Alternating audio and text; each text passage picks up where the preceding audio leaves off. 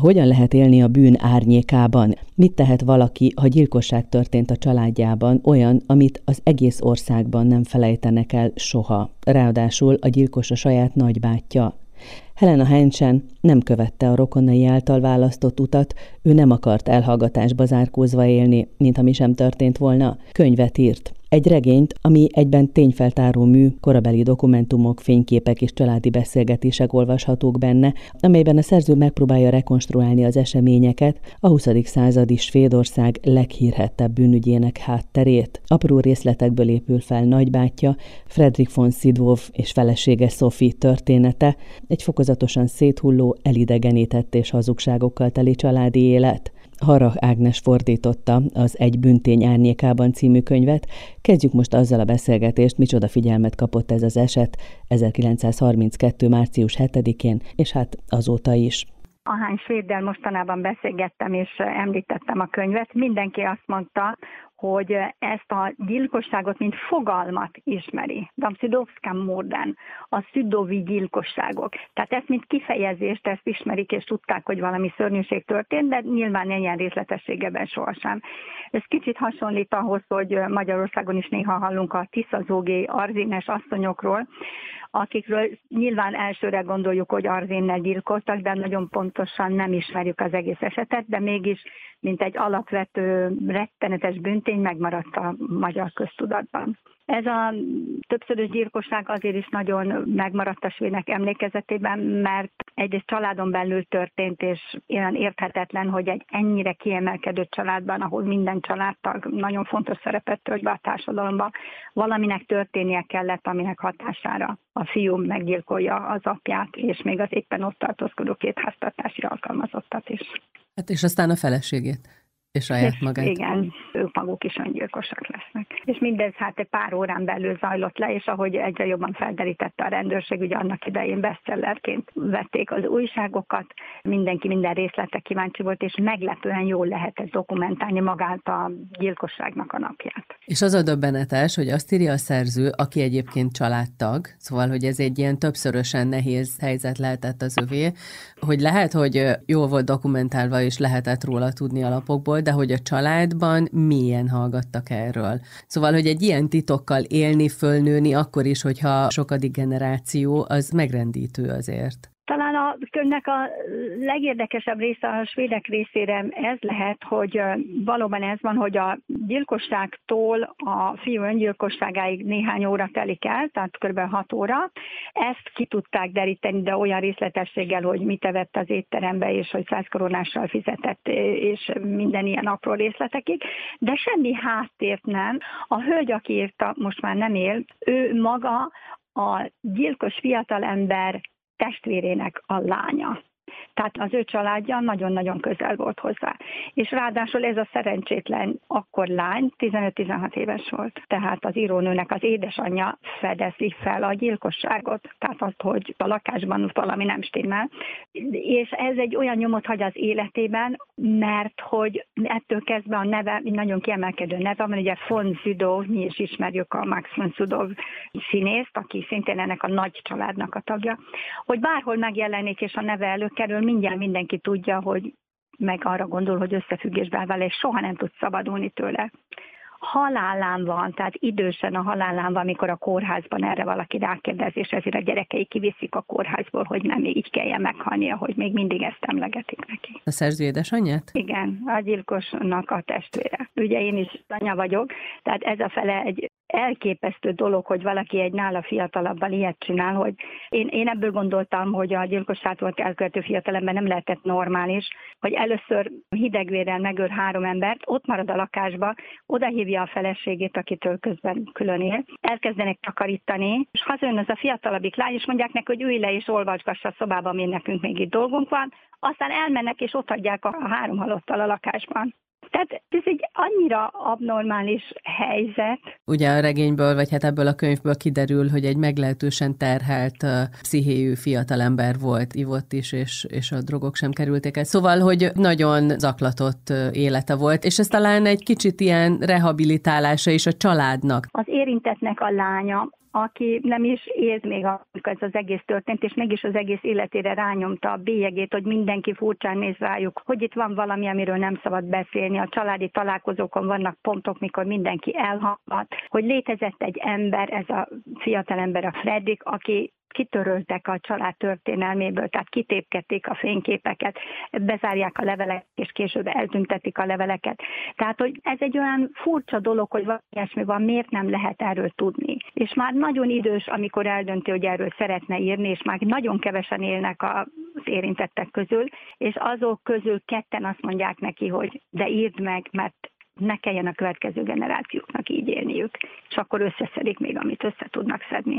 Az viszont egy különlegesen érdekes dolog, hogy ugye Svédországban nem volt sem első, sem második világháború, és mennyi irat meg dokumentum fennmarad hihetetlen aprólékossággal kezd el kutatni, egészen elképesztő. Most elkezdenénk fölírni, hogy hány helyen járt, tehát hány intézményben, hány kutatóhelyen, hány városban, hány emberrel beszélt, akkor írtatlan mennyiség jön neki, hogy valami icipici információt összeszedjen, amihez ő érzelmileg hozzátette a gondolatai. Tehát, hogyha ezt írták le egy levélben erről a Fredrikről, akkor ő milyen ember lehetett ha a nagypapa így viselkedett, mert egy levélben ilyen felszólítást ír nekik, akkor vajon mi történt előtte? Hát ez regény, tehát hozzáköltés is van benne, de mindig dokumentumokból indul ki.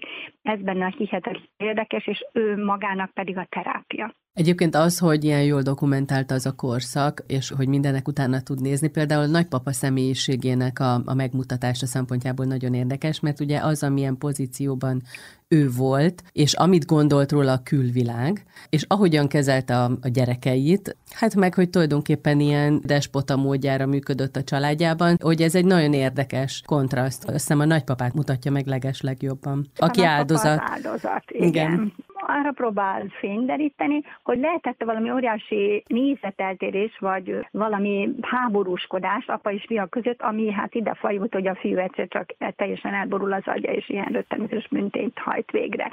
Amit előre is kigondolt, mert vásárolt egy vasrudat. Tehát nem úgy van, hogy fölkapta a vasalót, vagy a kínai vázát, hanem oda ment egy vasruddal. Valaminek kellett a háttérben lenni, és ezt próbálja kideríteni, és hát százszerzékos választ nem kapunk, csak valami olyasmit, hogy az apa nagyon kény és nagyon határozott ember, ami a társadalmi helyzetéből kiadóan ő volt a munkaadók szövetségének az elnöke, tehát egy magas pozícióban, szervező pozícióban van, ott szükséges volt, viszont ugyanez a bánásmód a családjában már nem volt tökéletes. A fiú viszont alapvetően egy kicsit más gyerek volt, ma már nyilván kapna valamilyen jelzőt. Iskolában nagyon nehezen illeszkedett be, nagyon-nagyon okos volt, nagyon kiemelkedett a társai közül, viszont nulla volt a maga viselete, tehát nem tudott beilleszkedni a hétköznapokba, és a tanáraival szemben sem tudott úgy viselkedni, hogy elvárták. Kétszeresen nem el az apjának ezt a természetét. Valahogy ebből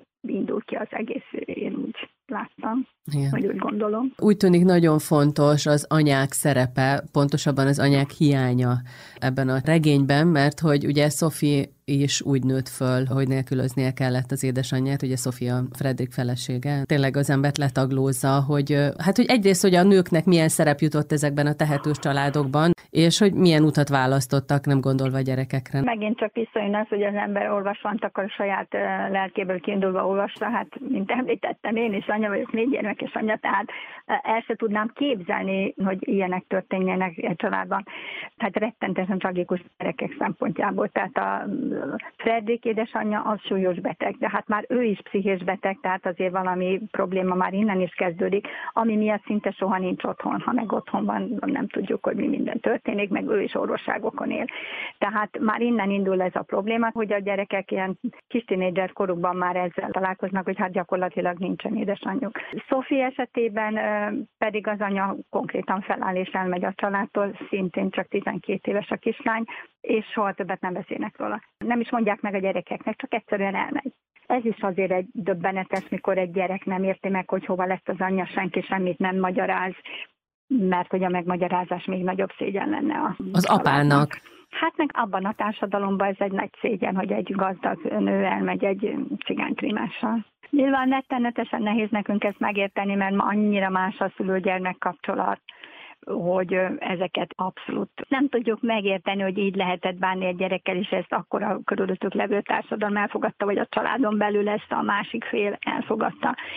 Nagyon-nagyon nehéz, de minden eset rámutat arra, hogy ezek a gazdag, előkelő családok, akik 8 meg 12 szobában laknak, meg mit tudom én, milyen a nyaralójuk van, és kívülről úgy néz ki, hogy micsoda gyönyörű életet élnek nagyon-nagyon nyomasztó helyzet tudott lenni a falakon belül.